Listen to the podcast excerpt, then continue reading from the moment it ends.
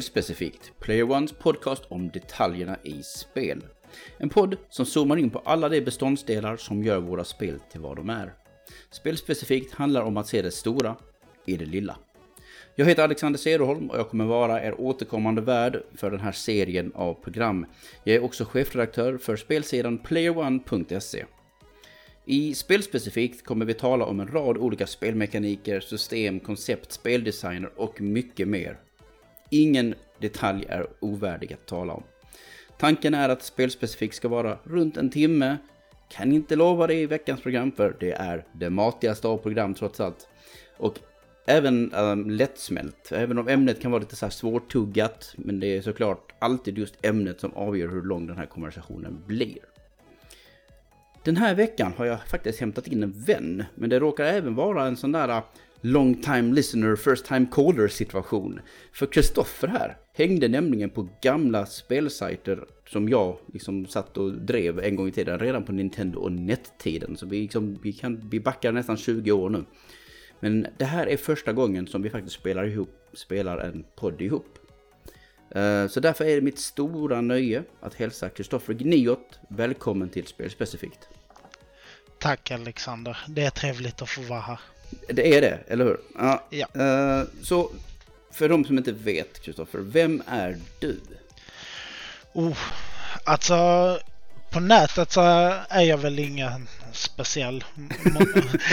Nej men alltså vissa känner väl till mig på Twitter och så som Gnoit. Men... Mm. Uh... Och det var också vad du hette en gång i tiden på alla forum.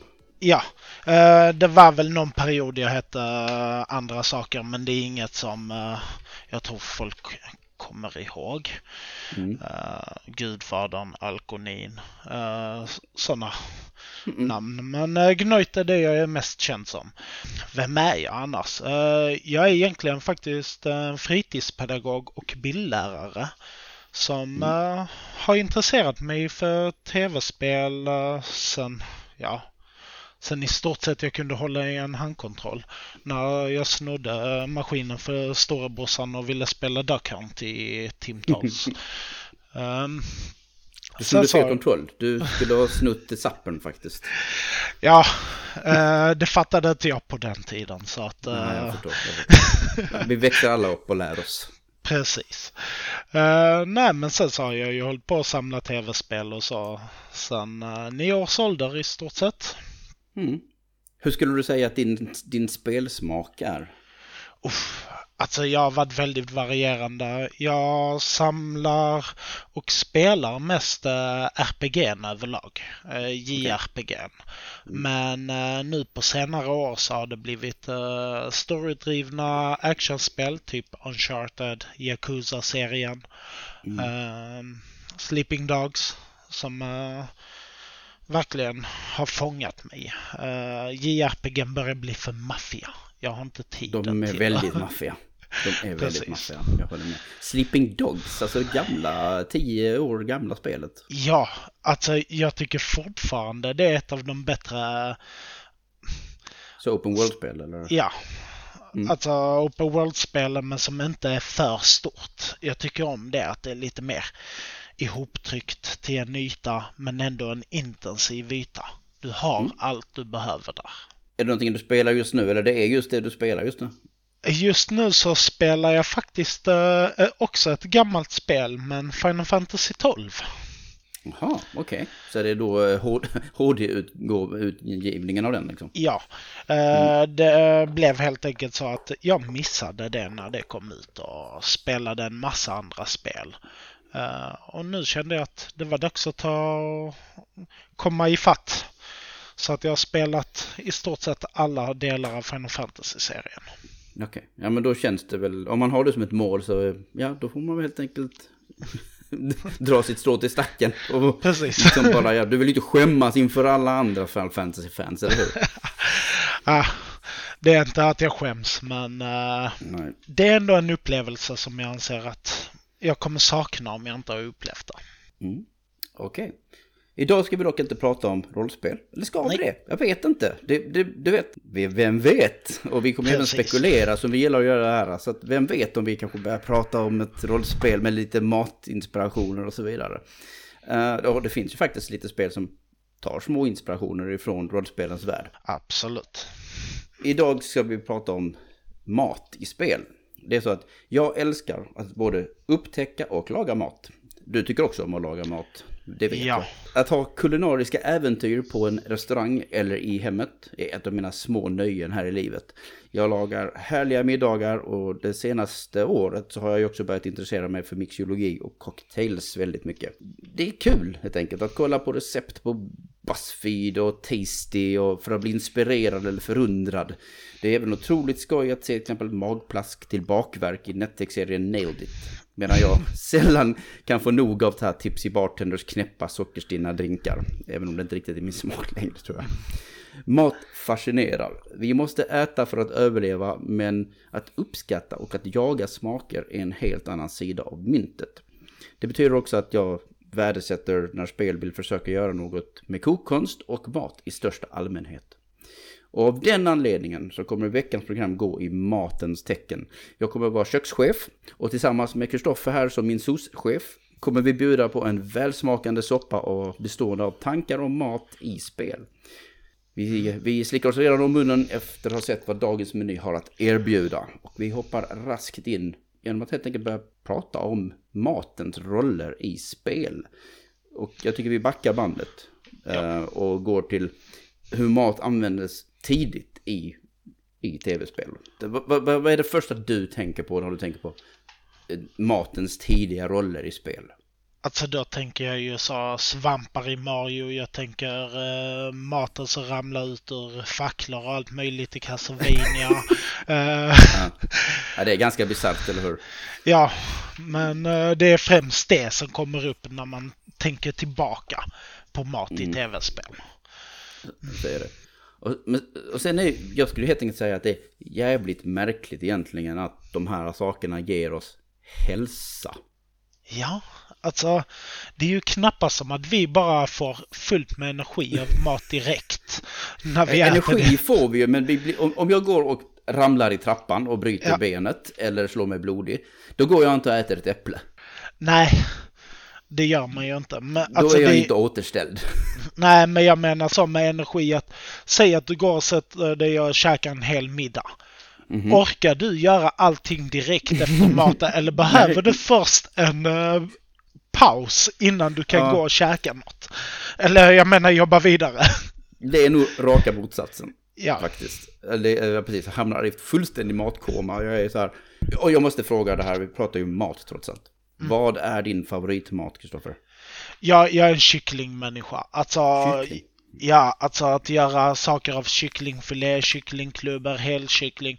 Alltså jag kan aldrig få nog av det. Jag, mm jag vill ha kyckling i allt. Uh, det, uh, pasta, sallad eller vad som helst. Min sambo är till och med trött på kyckling tack vare mig. ja, ja, ja. Och han, kan detta bero på alla wall chickens som inspirerat till detta eller? ja, bland annat. Och sen är ju du, du har ju ett, ett polskt ursprung dessutom. Ja. Färgar det din mat, alltså ditt sätt att göra mat på? Alltså jag älskar ju vitlök i mat. Uh, mm. Jag älskar allmänt att det ska vara mycket kryddor och sånt och det är något jag fick uppleva i alla fall när jag var på besök i Polen som liten. Mm.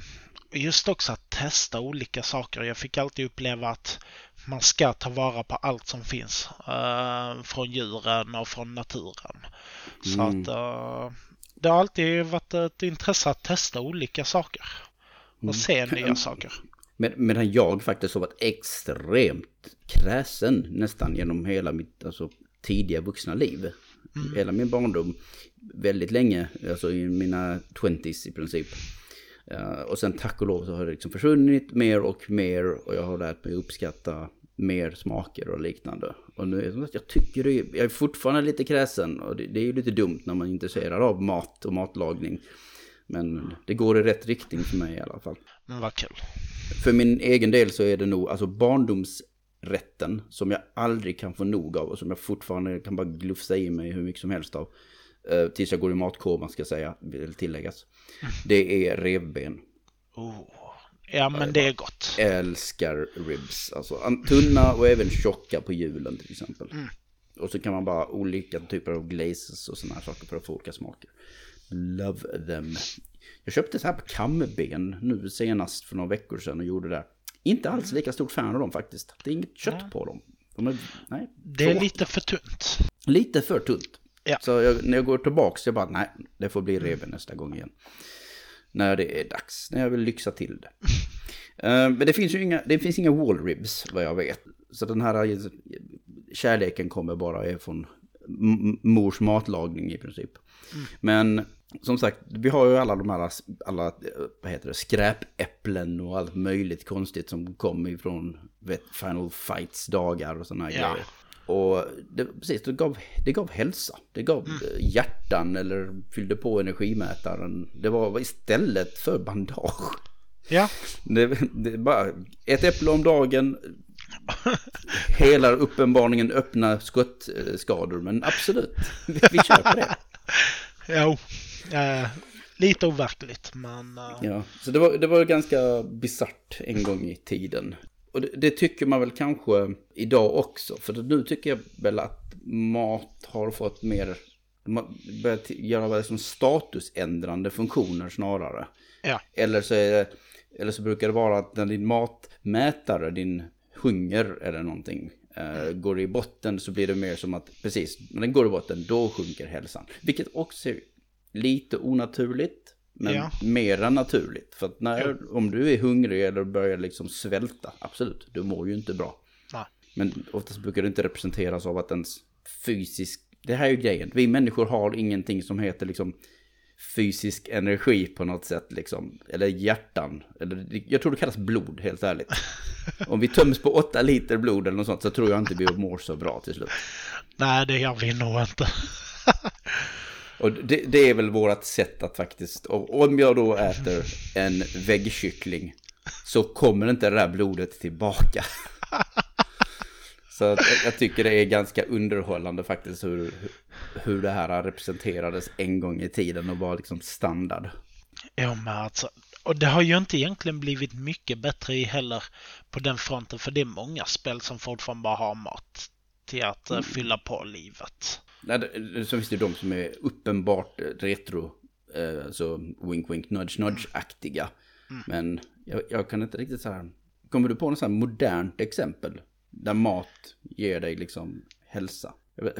The Witcher eller någonting, jag vet inte hur gör de? Ja, hur får- The Witcher fyller ju på eh, alltså hälsan med hjälp av mat. Uh, Det gör det alltså? Ja, eh, ja, ja. Om du äter en brödbit så får du tillbaka liv. Uh, Mm. Yakuza-serien. Där Mm. får du tillbaka. Eh, du käkar ju på restaurang och sånt där. Alltså maten representeras jävligt fint där. Mm. Eh, Men det är fortfarande bara en livmätare som fylls på. Shit, jag fick en utslagen tand. Jag går och äter en hamburgare. Så, jag mår bra igen. Det är väldigt mycket rollspel fortfarande som använder det. Är lite så här fantasimat. Ja, och sådana grejer också. Ja, precis. Så finns det så här konstiga, du vet, eh, fantasy star ma- eh, hälso... Alltså du vet, objekt. Det är så här, vad är det för någonting egentligen? Äter man det? Gnider man in det i sig? Rullar man runt i det? Vad gör man med Ja. det? Jag vet inte riktigt. Eh, och de har namn som man liksom inte fattar att... Ja, jag vet inte. Vi får väl Ja. se. I många fall så ignoreras väl mat egentligen helt och hållet. Alltså... ja, Bortsett från hälsa, det är så här, eller hungern, utan det är så här, det finns ju aldrig, jag kan ju gå omkring i ett helt äventyr som är flera dagar utan att karaktären har ett krav på att de måste äta. Det är ju en sån där sak som är att, kanske är viktigare att spela roligt än att de är dryga.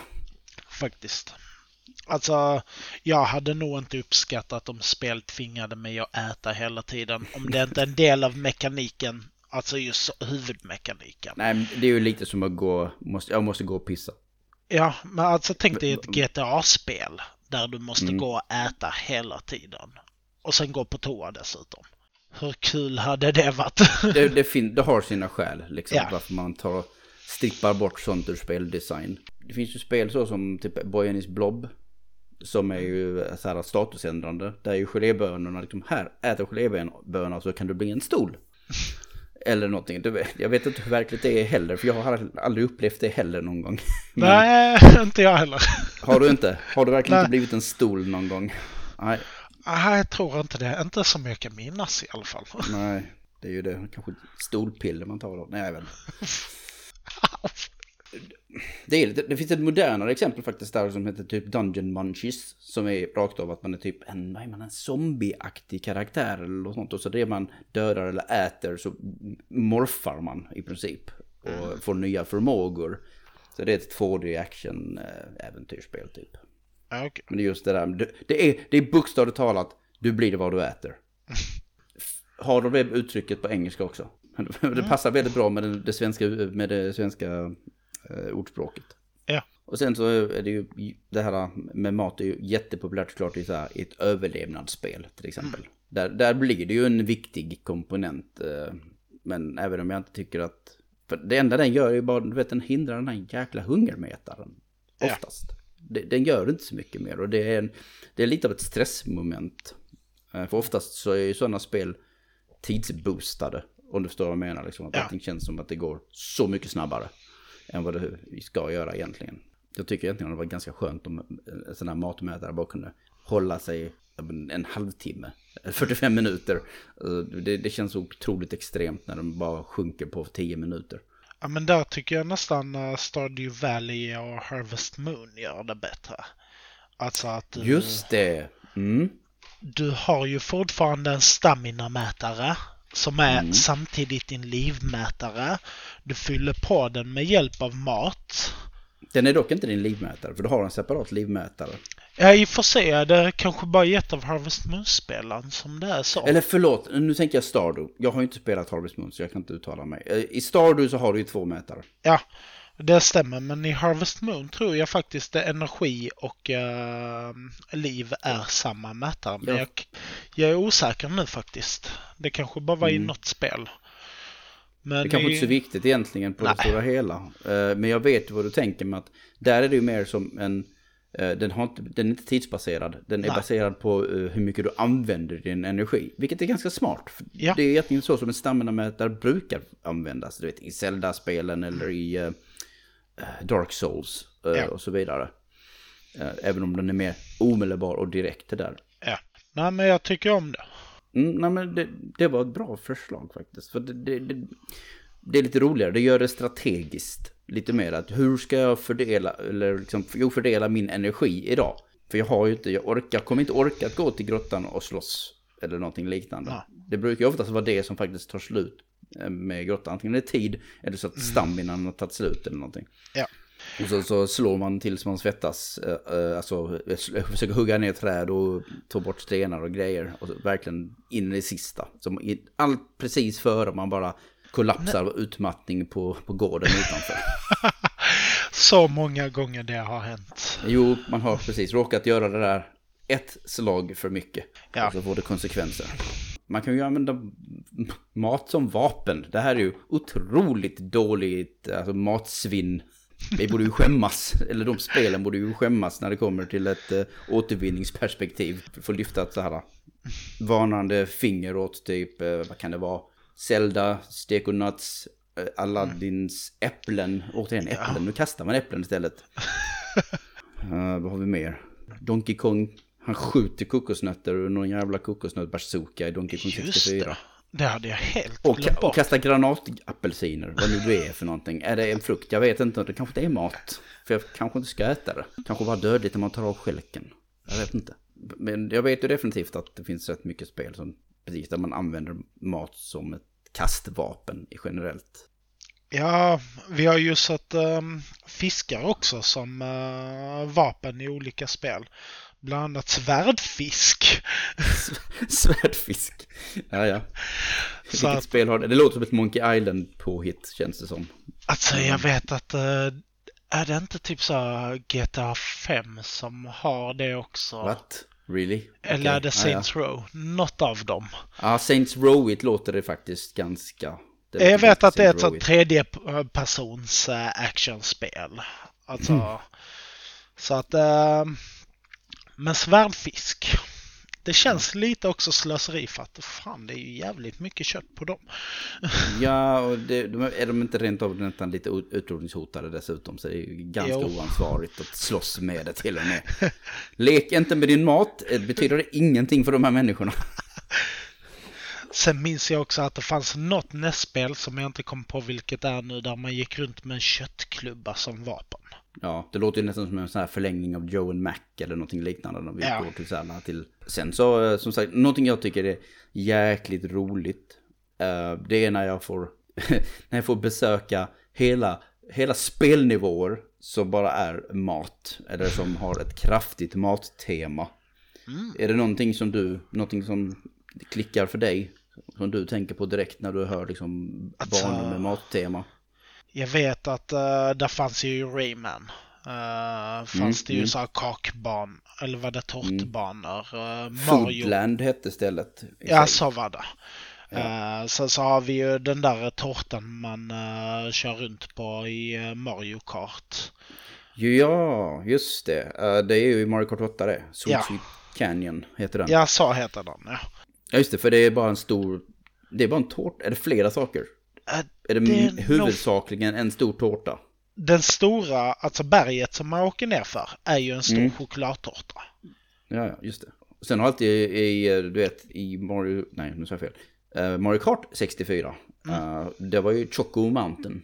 Ja. Där de här stenarna var ju stora chocolate chip som, som ramlade på en och så vidare. I, I övrigt så var det inte så mycket, du vet, detaljerna var ju begränsade på den tiden. Ja. Men det är ju en jäkligt rolig grej. Det påminner mig lite när du sa tårta så tänker jag på eh, Mario Party, prinsesstårtan. Mm. Prinsess, inte den svenska prinsesstårtan utan Princess Peach-tårtan får vi kanske säga eller någonting. Ja. Jag tror det är hennes land, är från originalet. Uh, den finns också på den här nya samlingen. Super Mario Party.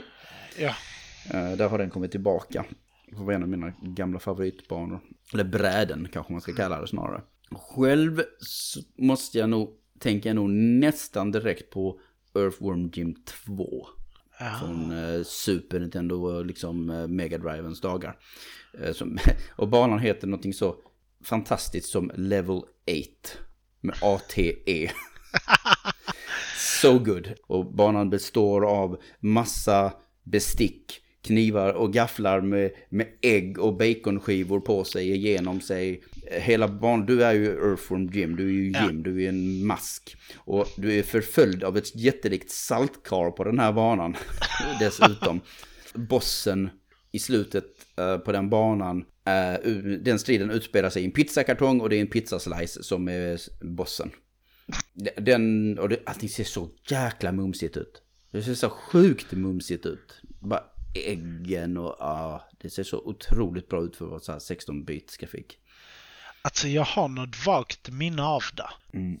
Ja, det är en riktigt så här, i ögonfallande design på den liksom banan. Men jag har för mig att tvåan var det spelet jag körde minst av uh, Jim-spelen. Ja, då har du bara kört ett.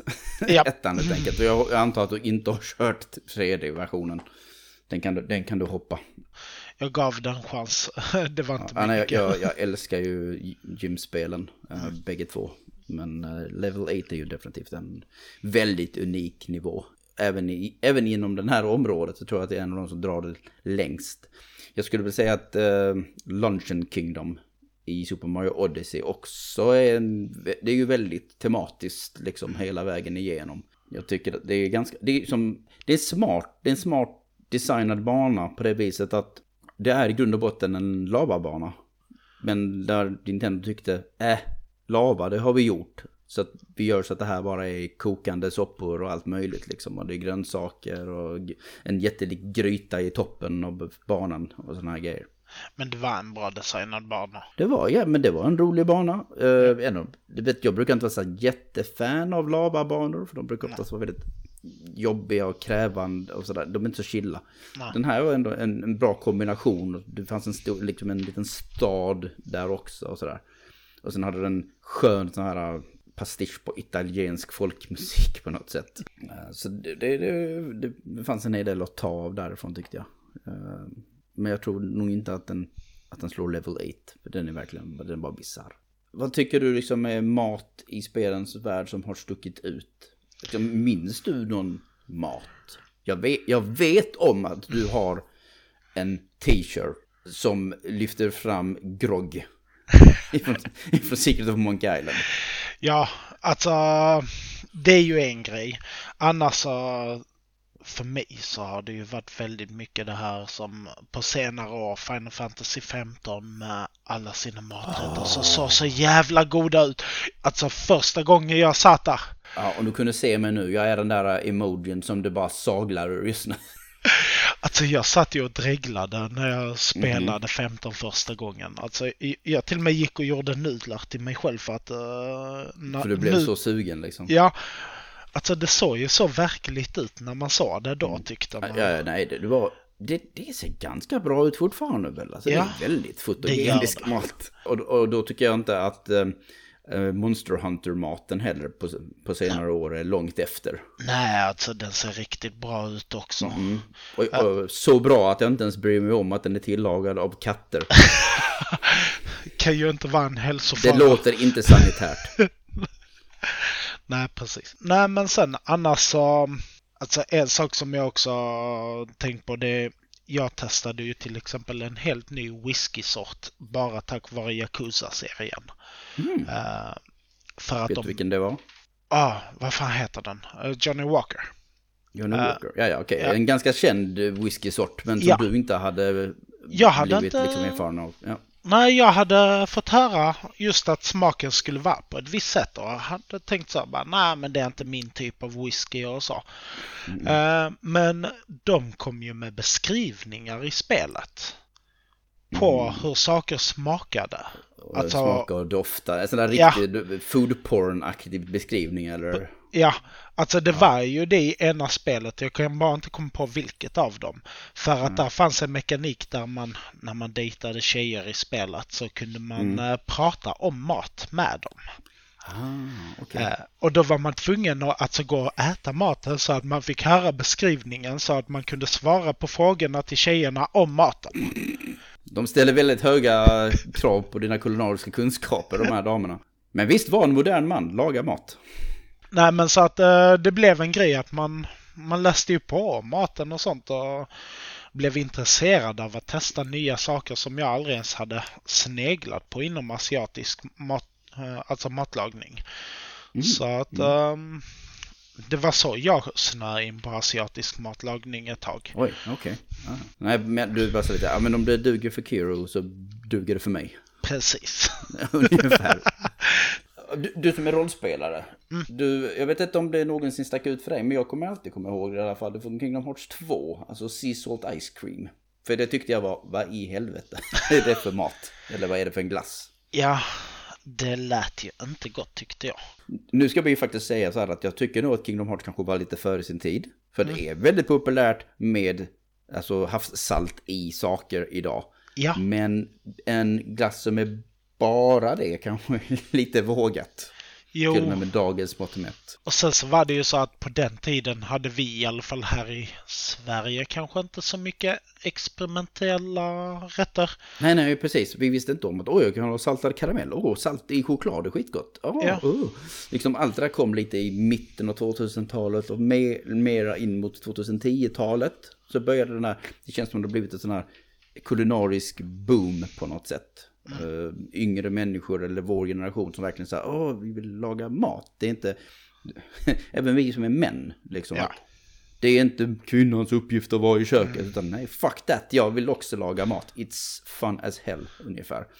Och det brukar ju uppskattas. Allt från vänner till partners. Precis. Och sen så, ja vad har vi mer för godsaker i spel? Äh, motsatsen till en godsak är väl mer som ett frågetecken kanske. Och det är ju Sinners Sandwich ifrån Deadly Premonition. Det är han snubben i rullstolen. Oh. Och, äh, som har en jäkligt konstig säregen macka som man alltid vill ska göras. Och den består av ja. kalkon, jordgubbssylt och flingor. Ja just det, det är alltså den. frukostflingor. Den kallas Sinners Sandwich. Alltså den Nej, det... Alltså jag är all för lite experiment. Men det låter verkligen som en konstig jävla så här peanut butter and jelly grej på något sätt. Ja, alltså jag hade ju inte bangat för att uh, smaka den. Jag Men... gjorde ju faktiskt en peanut butter and jelly sandwich nyligen. Typ på mm. så här brioche. Och sen så hade jag jo, hallonsylt och så, vad heter det? Jordnötssmör såklart. Jag har precis skaffat jordnötssmör som har salted caramel i sig. Bara för att jag, jag, jag sa, men jag måste ju ha denna. Mm. Jag, jag, kan, jag överlever väl inte om jag inte har denna, tänkte jag. Och övertyga mig själv, det här måste jag köpa.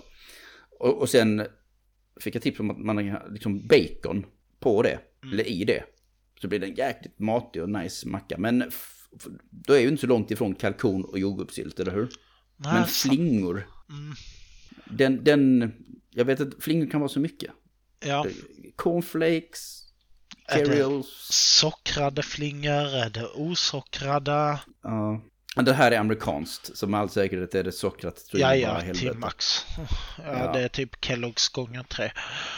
Nej, men um, ett annat spel, uh, mm. eller en spelserie som jag tänker på när jag tänker på mat. Mm. Uh, det är Tales, Tales-serien. Tales of Asperia och dem. Alltså du får laga mat i de spelen. Eh, mm. Så att du kan, eh, för att du kan ju äta råvarorna. Alltså säg du kan äta ett äpple. Så ger det en viss mängd HP. Men sen så har du att när du är vid lägerelden och ska spara och sånt så kan du även laga mat för att få buffs och äh, mm. äh, ännu mer HP tillbaka. och då får du även välja vem ska laga maten. De är olika bra på olika saker. Och här så varje karaktär har olika, verkligen så kulinariska kunskap. Åh, oh, nice, oh, vad kul. Ja. Så att det gör att om en person lagar maten så kanske det tar mindre råvaror eh, men ger mindre HP. Eh, någon har till exempel, ah, men jag är duktig på att använda dessa typer av varor. Och så blir det bättre buffs och sånt av de rätterna. Ja. Så att eh, det var en sån sak som fastnade Alltså just för mig att, ja men okej, vi använder mat som något som ger tillbaka liv.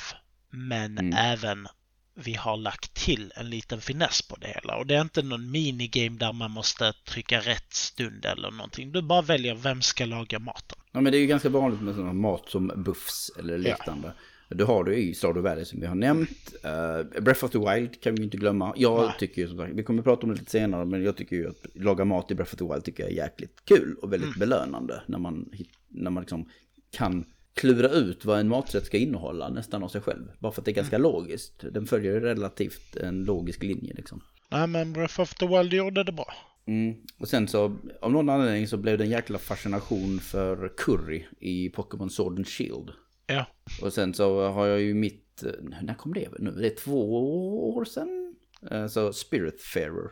Hade jag också väldigt mycket, vet, göra en massa mat liksom och olika karaktärer på båten gillade olika sorters mat. Så man matade liksom dem med det. Jag tänker också på overcooked, alltså så när man tänker mat. det finns inte mycket mer annat än mat där. Nej, precis. Um... Men det är ju själva spelmekaniken jag gillar där, alltså hur man lagar maten. Precis, och det, det är ju ett annat uh, en annan del av det här, den här diskussionen. Mm. Att inte bara säga oh, mat, utan även att göra mat. Och det är väl här som precis det spelmekaniska elementet kommer in och skiljer sig väldigt olika beroende på vilka spel det är.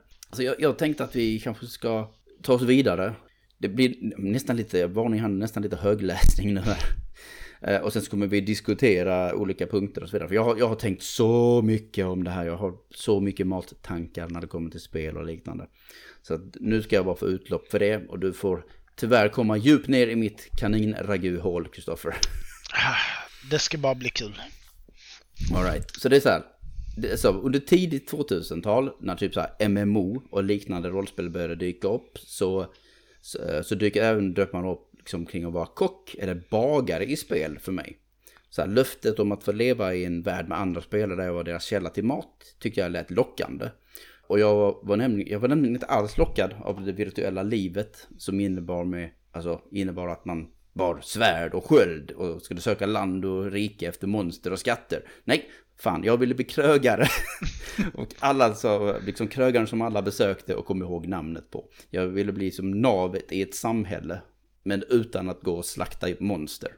Så jag kunde vara, eh, liksom, jag kunde vara, om spelet tillät mig så kunde jag säga fiskare, bagare, kock, alkemist till exempel. Till och med gruvarbetare och botanist tyckte jag var tänkbara för det var mer så här, jag, jag ville vara passiv, jag ville spela pacifistiskt i princip. Så alla alternativ som precis lovat ett pacifistiskt leverne tilltalade mig. För det var annorlunda från action som annars var så vanligt i övriga spel. Hur är din inställning till det? Spelade du till exempel någonsin MMO en gång i tiden? Ja, eh, på tok för mycket får jag väl säga. Tio år av mitt liv la jag på World Oj. of Warcraft. Ah, ja, du är en eh, woware. Ja, jag var main tank för en guild. Eh, som uh, hjälpte till att skriva guider och sånt uh, en gång i tiden. Hur, hur, hur ser matgrejen ut i, i WoW? Alltså du kan ju tillaga mat och sånt enligt recept. Du har ju mm. en cooking skill om man säger så. Och mm. uh, det jag tycker om där det är att du bara slänger inte bara i dig maten. Det är inte en potion. Alltså, utan din karaktär måste sätta sig ner och äta. Mm, okay. Och blir du avbruten under tiden du äter så får du inte ut allting som skulle ha återställts av maten. Du menar om du skulle sätta, du kan äta var som helst, men du måste ja. sätta dig ner. Så att om ett monster kommer och stör dig så blir du störd i, mat, i, din, i din middag. Ja. Rude, men okej. Okay. Mm. och det är samma sak för att få tillbaka mana till exempel. Alltså när du dricker vatten. Det är också sätta sig ner och dricka de hade ju åtminstone det att det var inte bara att slänga i sig en potion och så var det färdigt. Det, det är lite som, som Dark Souls. Eller mm. Elden Ring. Du vet, det finns en liten, det finns en liten wind-up på att äta. Mm. Att ta en Estus flask eller liknande. Mm. Där är ju en wind-up, eller hur? Och du kan bli avbruten. Ja. Om du inte hinner sätta den i, i gapet så blir du ju inte helad. Mm, det är ju så. Men det finns inga klass, eller hur? För jag, jag spelade ju så här uh, Ultima Online till exempel. Där kunde man vara en uh, kock eller, eller någonting åt det hållet här för med bagare. Uh, och det var där den här önskemålet, fascinationen kom. Det skulle komma något Xbox MMO-spel en gång i tiden också som jag inte kommer ihåg vad det Live Online eller sånt heter det. Mm. Som skulle kunna erbjuda den här typen av grejer också. Men det kom ju aldrig. Nej. Så drömmen krasades. Men i WoW så finns det ju ingen kock Klass. klass. Nej, utan det är ju snarare en uh, skill som du lär dig att eller... Och det betyder att du fortfarande är en våldsam celle som, ja. som drar runt i land och rike för att mörda allt som finns i din väg. Precis. Utan det här var bara något som du... Ja, men jag kan vara en tailor och jag kan vara kock också. Ja, ja men precis. Du har precis som du säger skräddare då ju. Ja. Eller liknande. Ja, nej, men då är det bara crafting. Och, men återigen, det är fortfarande för att de, de, de tycker ju verkligen, de ska verkligen tvinga på det här. Men du ska slåss. Du ska mm. slåss. Du, du ska dänga saker med andra saker. Ja. ja.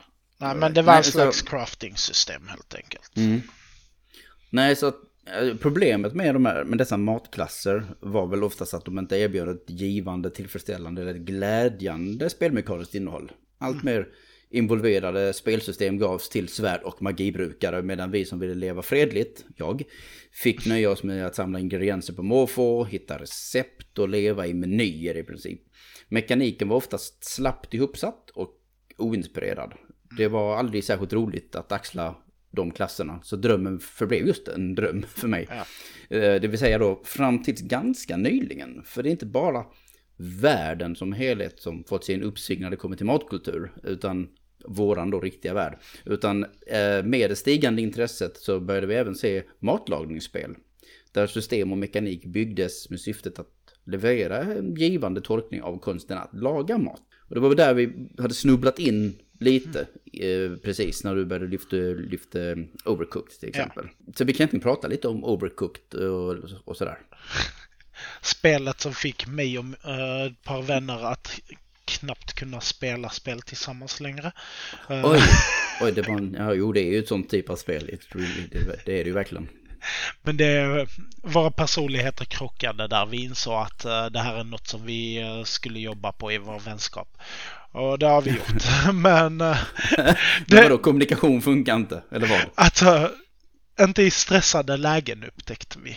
Vi kunde Nej. alltid kommunicera kring allt, men i det här stressade läget som det var så blev det mm. lätt att Någon bara stängde in sig själv och gjorde saker i sin egna lilla värld och kommunicerade inte med oss andra. Jag blev väldigt bestämmande att du gör detta, du gör detta och så lyssnar de inte på mig. Så att jag var inte en bra ledare, det, nej, det får jag nej, erkänna. Precis. Det satte vår vänskap lite på prov där för en stund. Tills vi stängde av spelet. så skrattade vi bara åt det. Overcooked var en kul upplevelse. Det var det, jag, jag tycker också det. Jag gillade ettan. Jag gillade ja. tvåan också väldigt mycket. Jag tror inte att jag har gett ett väldigt högt betyg borta på Player One. Och för de som inte vet det så är ju som sagt Overcooked, eh, man kan spela upp till fyra spelare samtidigt. Och det handlar om att bygga en middag kan man säga och skeppa ut den till kunder. Vad gör man? Man tar en potatis och så går man till ett bord och så hackar man den till pommes och sen så lägger man det i fritösen. Och så mixar man det med någon annan som har gjort en hamburgare i princip och så får man ja. en hamburgartallrik. Och sen så går man eh, och tvättar tallriken så den är ren så den kan användas på nytt. Och så, så handlar det alltid om att allokera resurser och hämta saker på rätt tillfällen och timing och liknande. Det är skitkul, men ja. stressigt. Speciellt också när banorna ändras och sånt. Alltså, det mm. var ju ett spel som verkligen, köken var inte normala kök. Du har ju knappast kök ute på isflak ute Arktis eller en rymdstation som behöver flytta på eh, rummen. Mm. Vad hade vi mer? Lavabana och sånt. Det är väl någonting som jag känner kanske som de här spelen vill göra. Alltså spel som Overcooked, eh, uppföljaren eh, Diner Dash, Cook Serve Delicious och VR The Diner Duo till exempel. Dessa spel har det som fokus att hålla ett högt tempo. Det, det tar det hela till sin så här kaotiska maxnivå och, sen, och simulerar egentligen kanske det hektiska livet som kock på ett trovärdigt vis. Mm. På andra sidan av spektrat så hittar vi typ managementspel. så som klassiska Pizza Tycoon eller något ja. liknande där fokuset är strategi. Precis, det är den, här, de, de fångar stressen eh, som man kan känna i en restaurangmiljö. Ja. Men de har skruvat upp den till max för att vi ska känna den också. Det kan inte vara i det tempot i ett spel som det är på riktiga, riktiga livet. För då hade, då hade det inte känts lika intensivt antagligen. Uh, jag vet inte om du, har du spelat så här Cook Serve Delicious? Eh, faktiskt inte så mycket. Jag har sett uh, när andra har spelat. Men jag har det är helt sjukt det liksom, när man ska så här, bygga, återigen, man ska bygga en maträtt liksom. Mm. Men man gör det med tangentbordet. Varje, alltså olika knappar är olika. Allting är så här quick, uh, quick keys i princip. Liksom. Ja. Okay. För att det ska vara så snabbt. Du kan göra det med en handkontroll också. Mm. Men det är varje, en knapp är en sak. Så att den där, ja, ger ketchup på din korv och det här doppar i fritösen och det här städar och det här kastar sopor och så vidare och så vidare. Det är otroligt hektiskt. Men det, det, det finns en, ja det är ganska fascinerande. Och så spelade du någonsin VR The Diner Duo? Nej. Jag vet om att vi hade det i föreningen Mega här i Malmö. Men jag vet inte om du fick chansen att spela det. Jag fick aldrig chansen. Okay. Så att tyvärr. Det, det, mm, för det var ett asymmetriskt VR-spel. Mm. Där du, i, du som hade hjälmen på dig, du gjorde hamburgare. Okay. Helt enkelt. Du bara, du stekte hamburgare alltså med vibes äh, eller vad det nu var precis. för någonting. Ja, precis. Och liksom flippade burgare och la dem på hög och allting sånt. Det, jag tyckte det var jättetillfredsställande. Det var så kul att spela den biten. Och sen den andra spelaren spelade ifrån tv-skärmen och var en liten servrobot som liksom tog beställningarna åt dig. Och som även skulle då leverera ut rätt mat till rätt kunder. Ah. Inte riktigt lika kul men fortfarande ja. asymmetrisk multiplayer tycker jag är ganska ball. Ja, men det låter ju som ändå en kul grej och att istället för att de andra bara sitter och tittar på så kan i alla fall någon hjälpa till i spelet. Uh, och jag tror att man skulle prata också. För den personen måste, behövde säga vad det var för någonting. Roboten gick fram till disken men den visade inga symboler eller någonting utan den bara, jag för man, man sa det rakt av. En dubbel cheeseburgare med, eh, med extra ost eller någonting sånt. Okay. Och så fick man, och så visste man ju vad det betydde liksom. Så ja. fick man köra på det. Men det låter som faktiskt så bra sätt att uh, få in den andra personen för hade man bara sett på skärmen så hade man ju inte ens behövt kommunicera överhuvudtaget. Nej, du hade, kunnat, du hade kunnat ta de här beställningarna automatiskt istället. Ja. Som man gör i Overcooked eller, alltså den biten mm. sköts ju alltså, Overcooked eller Cook Serve Delicious av sig själva. Men här har de lagt ett, liksom ett mellansegment där du tar beställningarna också. Så det är väl det, det jag är ute efter. Är väl ett spel som kanske lägger sig snyggt emellan personlig intim nivå och management sim. Mm. Harvest Moons motsvarighet till restauranglivet har aldrig riktigt realiserats känner jag. Mm. Jag har en önskan om ett här framtida matlagningsspel som lägger mer fokus på glädjen att laga mat snarare än stressen i köket. Jag vill inte bara springa runt som en skållad katt, råtta säger man, inte katt, stackars katt. Det får mig att tänka på um, ett mobilspel mm. som um, heter Cafeteria Nipponica. Som är gjort av Kairosoft, Game Dev Story-studion. Oh, okej. Okay. Den har man ju inte hört om på länge, men ja. Mm. Nej, men uh, de gjorde ett spel som handlade om just att du skulle sätta ihop maträtter och sen mm. även driva själva restaurangen. Så att du okay. hade både management av restaurangen, att du ser till hur är upplägget i restaurangen, mm. var finns sakerna och sånt. Sen skulle du se till att utbilda kockarna, välja hur ser maträtterna ut och sånt. Så att det blev väldigt mycket så här. Hur den såg ut? Fick du designa maten? Alltså, eller snarare vilka ingredienser den var gjord på. Förlåt. Okay. Uh, mm. Nej men, nej, men för det, det, det precis, det, det, det, är intressant det också. Men jag vet inte om du, har du spelat Pizza Tycoon? Ja. Ja, och då vet du kan ju rakt upp designa din pizza. Du verkligen bestämma hur den ska se ut liksom. Du kan verkligen experimentera fram sjuka kombinationer och sen så verkligen detaljmässigt lägga saker på pizzan nu. Alltså det hade jag glömt bort om... Uh... Ja, nej. Det glömmer jag aldrig bort. alltså ett sånt spel hade jag velat också se lite mer av. Just utvecklandet av maten. Mm. Och, ja, men det, eh, det håller jag ju med om. Det är ju en del av det som jag kanske vill ha. Jag vill absolut inte vara så hands-on som i ett Cooking Mama-spel. Och dess otaliga kopior. Mm. Så den här mängden matlagningsdetalj är rik på mekanik, men mm. den bidrar liksom istället till att förstöra vikten av helheten och även tempot tycker jag. Mm. Det, behöver något, det behövs någonting mitt emellan. Jag vill inte ha så mycket fokus på tillredningsbiten heller, alltså akten att ja. göra. Utan mer kompositionen och kreativiteten man kan finna i att laga mat och upptäcka hur smaker samverkar lite svårt kanske att fixa det här med smaker ja. i ett spel. Det, det, är det man verkligen saknar ju. Man, man, kan ju inte, man kan inte slicka på skärmen. Det kanske borde komma. På, sätt, så på Switch så sätter du sån här, en plastfilm på Switchen skärm. Och så bara... Alltså det får mig ju bara tänka på den där luktgrejen som äh, skojade som tills var det till GameCuben? Jag vet inte, det har ju funnits på alla möjliga. Jag minns ju till gamla Leisure Suit Larry 7 så fanns det ju sådana luktgnuggisar och sånt skit. Eh, det här tar, sin, eh, tar det till sin spets med att du slickar på din Switch-skärm. Åh oh, fy fan. Vill du spela? Det sträcka över till grannen. Ja, yeah, jag vill också smaka. Alltså hade... man, får inte vara, man får inte vara blyg och rädd för bakterier där. Alltså. Nej, det, det hade varit ett bra sätt att få testa nya saker. Ja, vi hade sålt eh, skärmskydd som fan på jobbet om folk hade spelat någonting sånt. Precis, vi saknar den biten. Vi kan inte smaka det, så vi vet inte riktigt. Men, mm. ja. Så vi kanske också som sagt ska lämna det här klassiska MMO-systemet bakom oss som spel som Minecraft och Stardew Valley använder alltså ett förberett recept som man ja. får om man skaffar alla ingredienser och behöver. Jag tycker som sagt att här hamnar vi liksom i typ Breath of the Wild-läget. Mm. Egentligen, hur skapar vi den bästa känslan av att laga mat? Så hur abstrakt respektive konkret ska det vara för att det ska kännas rätt? Alltså, för mig så handlar det som sagt inte så mycket om att det ska vara något minigame. Men som du in, mm, har mm, varit mm. inne på, det här att få experimentera.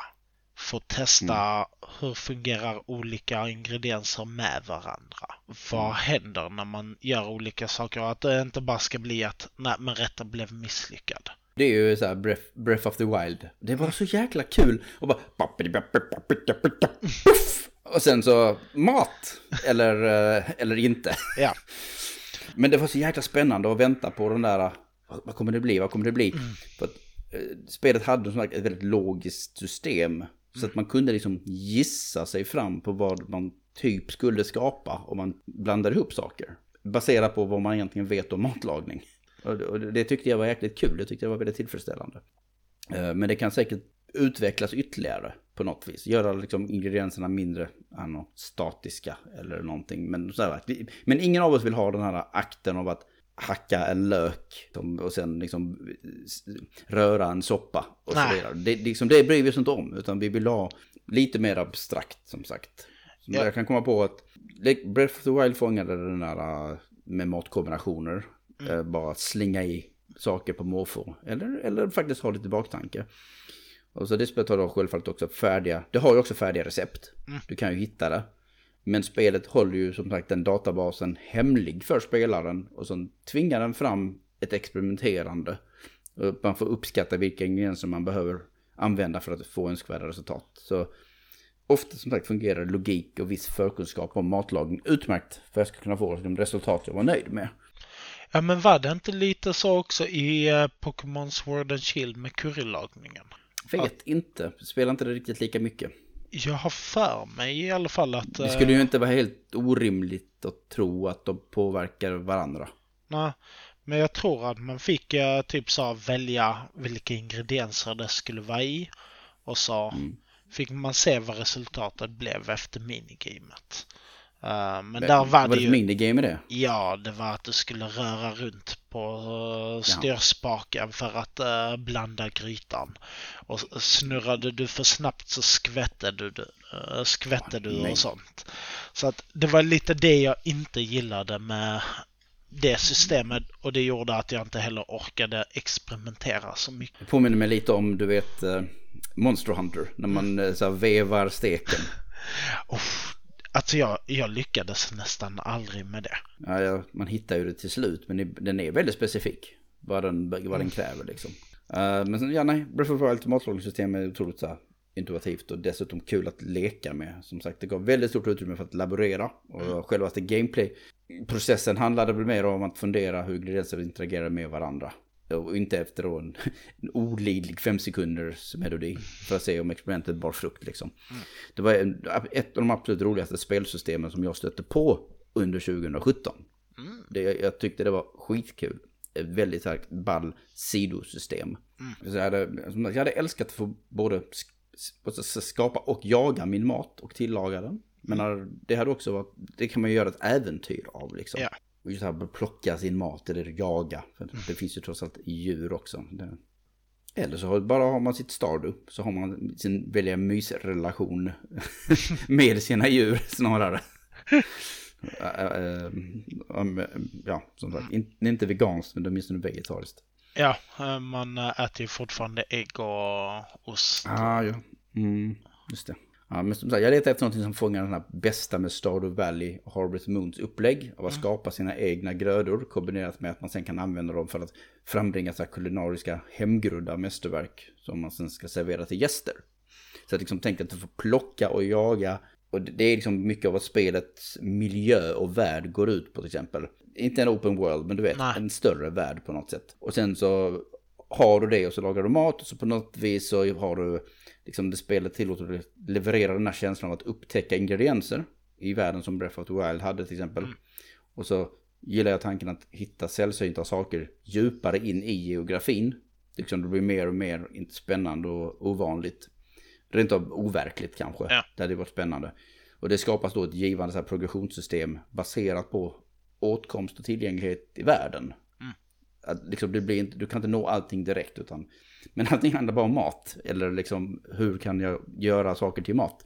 De kunde gjort en jättekul sak som att du vet, åh jag kan skrapa på den, den här bergsväggen så får jag salt. I don't know. Ja. Men man, man kan göra ganska mycket om man bara är lite förnulig. Alltså jag hade ju velat se ett spel som man driver ett, typ en restaurang i bergen. Mm. I, vänta, driva en restaurang i bergen? Ja, alltså i bergen, typ så i en liten by eller någonting som är uppe i bergen. Mm.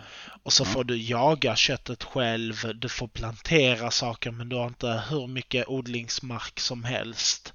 Uh, så att du får leta ute i skogen efter andra ingredienser. Mm. Och sen också det här med experimenterandet med maträtterna. Du, du har inte så jäkla bra business sense om du ska sätta upp din restaurang uppe i bergen. Nej, men... Vem kommer upp dit? Nej, jag tänkte mest bara att man hade nära till naturen så att man Ja, kunde... jag förstår. Ja, ja. men... Nära eh, till lite örnägg. Ja, precis. Eh, Sån här get, getkött. Björn. Såna här, nej, de är, det det kallas? Björn, ja en björn absolut. Så jag ville ha haft någonting som är lite mer äventyrligt och inte då nödvändigtvis restaurangfokuserat. Äh, inte stress, det, ska vara mer som att restaurangbiten sköter sig själv kanske och gör så att jag kan generera, men det är kanske det som gör så att jag levlar upp. Ja. Framgången i restaurangen baserar på hur bra mina recept är och vad jag har tagit fram. Eh, Och sen kanske vad jag har anställt för folk som gör maten och serverar den. Det är lite management där. Men jag ska inte beblanda mig direkt med det, utan det bara gör så att jag genererar XP kan man säga.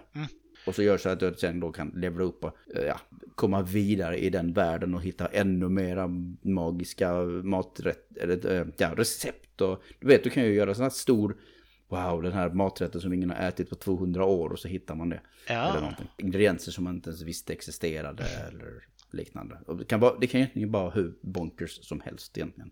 Vet, vi kände inte till umami en gång i tiden, så vad är det för någonting konstigt liksom? Ja, nej, men nu används det ju som ett brett begrepp liksom.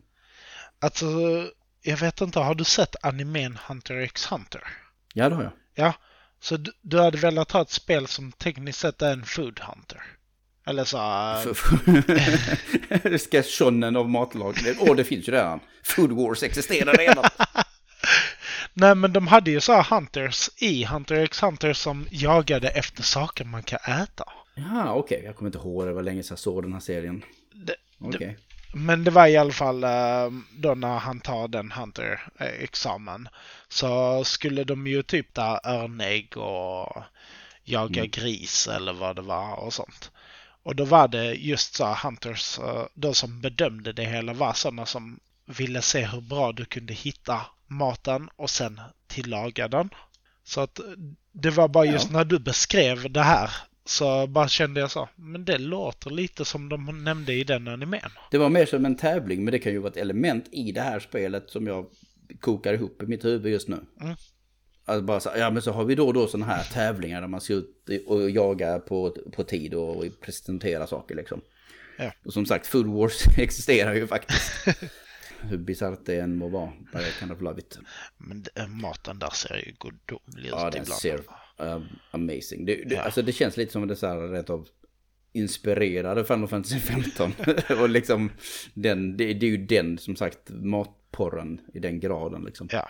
Är det någon sån här matkategori som du tycker förtjänar att bli mer representerad? Är det någonting som liksom, vi har väldigt mycket av en viss typ eller en viss typ av kusins liksom kök medan andra inte riktigt? För det är ju mycket japanska Mm. maträtter som syns för att det är mycket japanska spel som Ja. orkar bry sig om sånt här. Alltså, Polsk mat kanske. Alldeles för underrepresenterad. ah, alltså jag vet inte om polsk mat är så intressant, men eh, kan bli. ja. Men jag tycker att vi ser för mycket av grytor och sånt. Alltså jag hade velat se mer en blandning. Där man alltså... Nej, En gryta är väl en blandning. Jo, men en blandning Ja. av olika typer av mat. eh, Mm. grejer. Alltså säg ett spel där man ska göra sandwiches. Ah, ja, okej. Lite mackor och så. Ja. Ja, en sub. Subway the game. Ja, Subway the game. Nej. Nej men bara alltså någonting annat än grytor. För jag tycker att grytor, curry och grillat, det är väl det som är... Soppor Ja, och soppor. Det är väl det som är mest representerat. Mm. Eh, Sen sushi ofta också med tanke på att vissa spel har ju det här att du ska fiska och sen tillaga. Ja, men det kunde ju lika bra varit fish and chips istället. Ja. Men det är Men det. allting hänger ju på var det kommer ifrån. Jo, precis. Alltså lite fler matkulturer. Kanske i och för sig arabisk mat. Okej. Ja, arabiskt, libanesiskt. Ja, liksom. persisk. Absolut. Afrikanskt. Oh. Det är ju marockansk mat, det är ju skitgott till Ja. exempel. Och sådär. Nej men det finns ju hur många ställen. Som sagt, nu märks ju liksom att ja men det är ju de. Den, antingen så är det den asiatiska matkulturen eller så är det den vita europeiska Ja. amerikanska matkulturen. Och så har vi glömt bort väldigt mycket. Indis får en chans att titta fram då och då. Curryn till exempel. Där finns ju nog ganska mycket att hämta när man tänker efter. Ja. Och vad har hänt med svensk matkultur? Är våra köttbullar? Fläsk, kom igen. Eller till exempel så här, norrländsk palt med fläsk eller någonting. Men äh, det, lingon är alldeles för underrepresenterade i spelkulturen. Så, alltså, var är den kulinariska motsvarigheten till Unraveled? Jag vill se det, det hade varit intressant. Ja. Lite surströmming som ett vapen då såklart. Ja men det är ju ett vapen, precis som du Det är säger. ett vapen, det är precis som i riktiga livet så är det ett vapen. Eh, nej men man kan göra ganska mycket. Och som sagt, det, det, det finns ju en del matspel. Jag tror inte det är så, jag vet inte så mycket som kommer nu som är på väg. Men det har ju definitivt funnits några stycken och vi har ju några. Ett som är på väg, det vet jag om, ett, ett spel som heter 100 Days. Som är ett management sim. Men det, det är ju för att, om att göra management för en vin, alltså vingård i princip. Ja okej. För att producera vin. Det, det, det, jag är lite nyfiken. Eh, Stardew eh, Valley-skaparen jobbar väl på, var det inte ett chokladfabrik eller något Jo, sånt? det är choklatier. Ja, Ja. helt rätt. Absolut. Just det. Choklad. Ja, bra. Ett, ett helt annat matfokus. Eller lite mera... Det är väl också den... Nu pratar vi mycket om mat. Ja. Men vi pratar inte om att baka eller göra konfekt och så vidare. Nej. Det är ganska lite om sånt typ i Zelda-spelet också har jag för mig. Godis har vi ju i Candy Crush, men det tillagas Ja, men det- ju inte. det, är bara, det är bara dekor och ingenting annat i princip. Ja, men, och, och du och jag, men när vi hade väl definitivt tyckt att det var kul med någon slags bartending, Ja. cocktail, drinkspel på något vis. Att vi får mixa och blanda där. Ja, men men återigen, varit kul. inte akten av att skapa, skaka och shaka. Utan Nej. Utan det ska vara det där, hitta vilka alkoholer som passar med vad och kanske vilka frukter till och...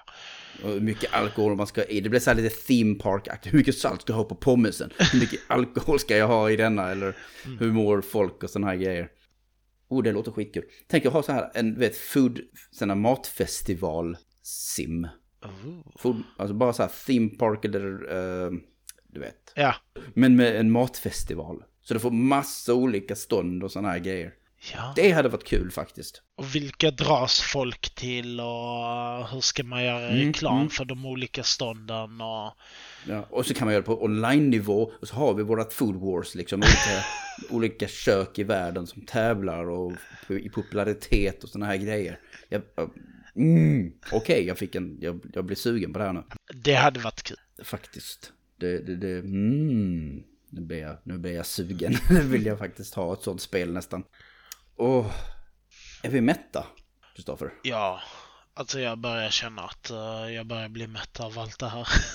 Ja, faktiskt. Innan vi hamnar i fullständig matkoma så eh, drar vi oss tillbaka, sätter oss i soffan, knäpper upp bältet och så tycker jag att vi avslutar diskussionen om mat i spel.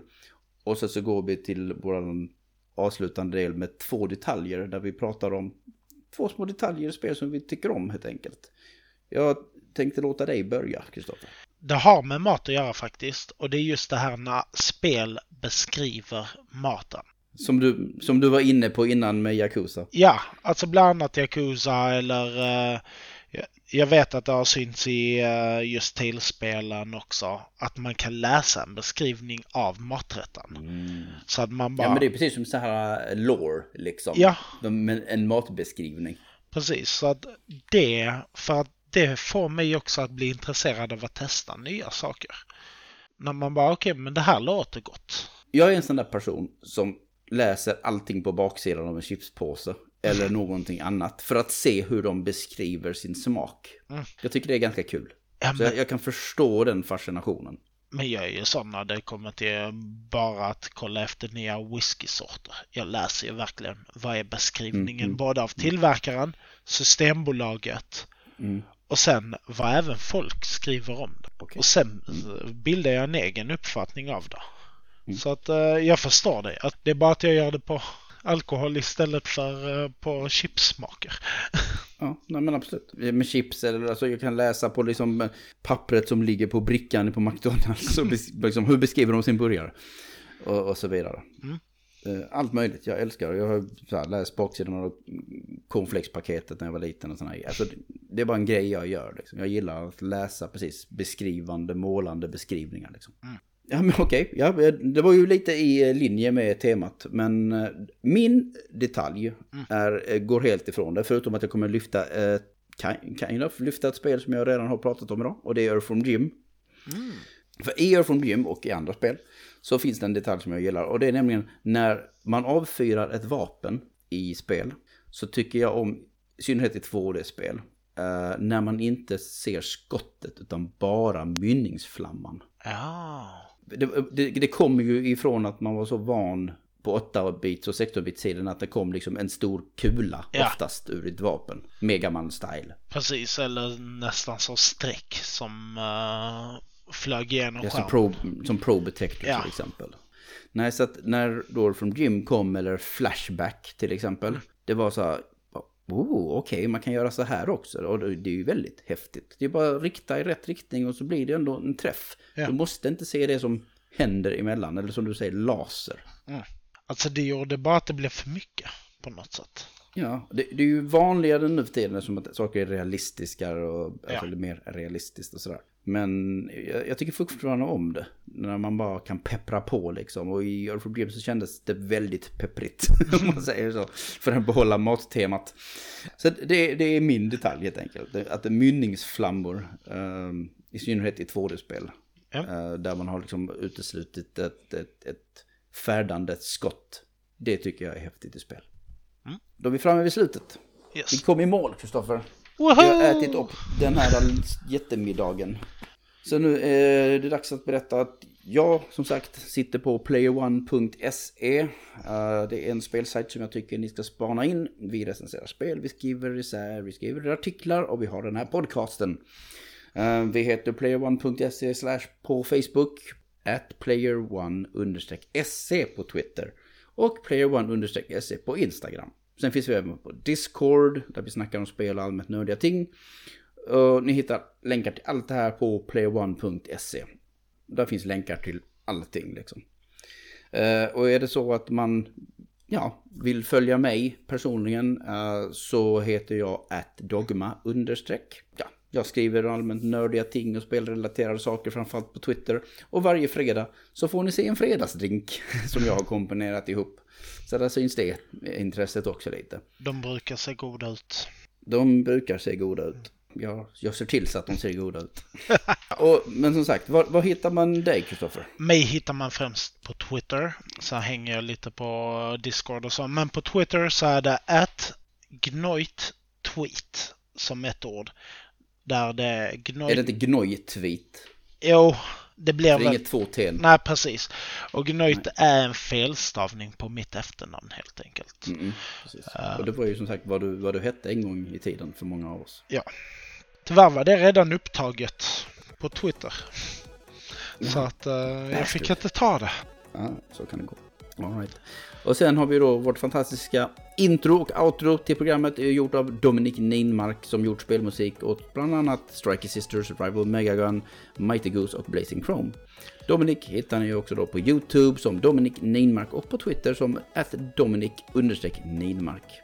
Då återstår det bara att tacka dig Kristoffer för att du ville ställa upp och snacka om mat i en dryg timme med mig. Det var bara trevligt att få göra det. Det är det. Lika trevligt som när vi sitter runt ett bord och äter mat eller tar en drink. Ja. Och som sagt, tack till alla er som har lyssnat på Spelspecifikt. Som sagt, vår podcast-feed Player One presenterar finns nu som sagt i en valfri podcastspelare nära dig.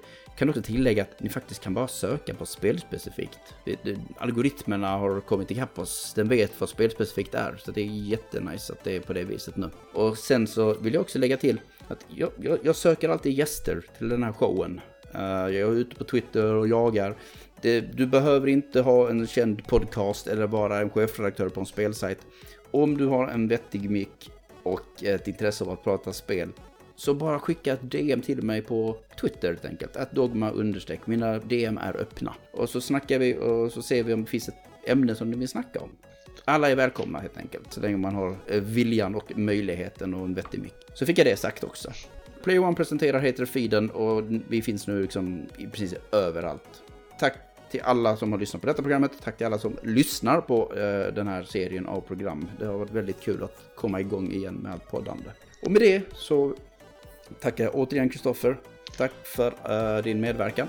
Tack själv. Mm. Och så säger jag till er andra att vi hörs nästa vecka. Och glöm aldrig att se och uppskatta det stora i det lilla.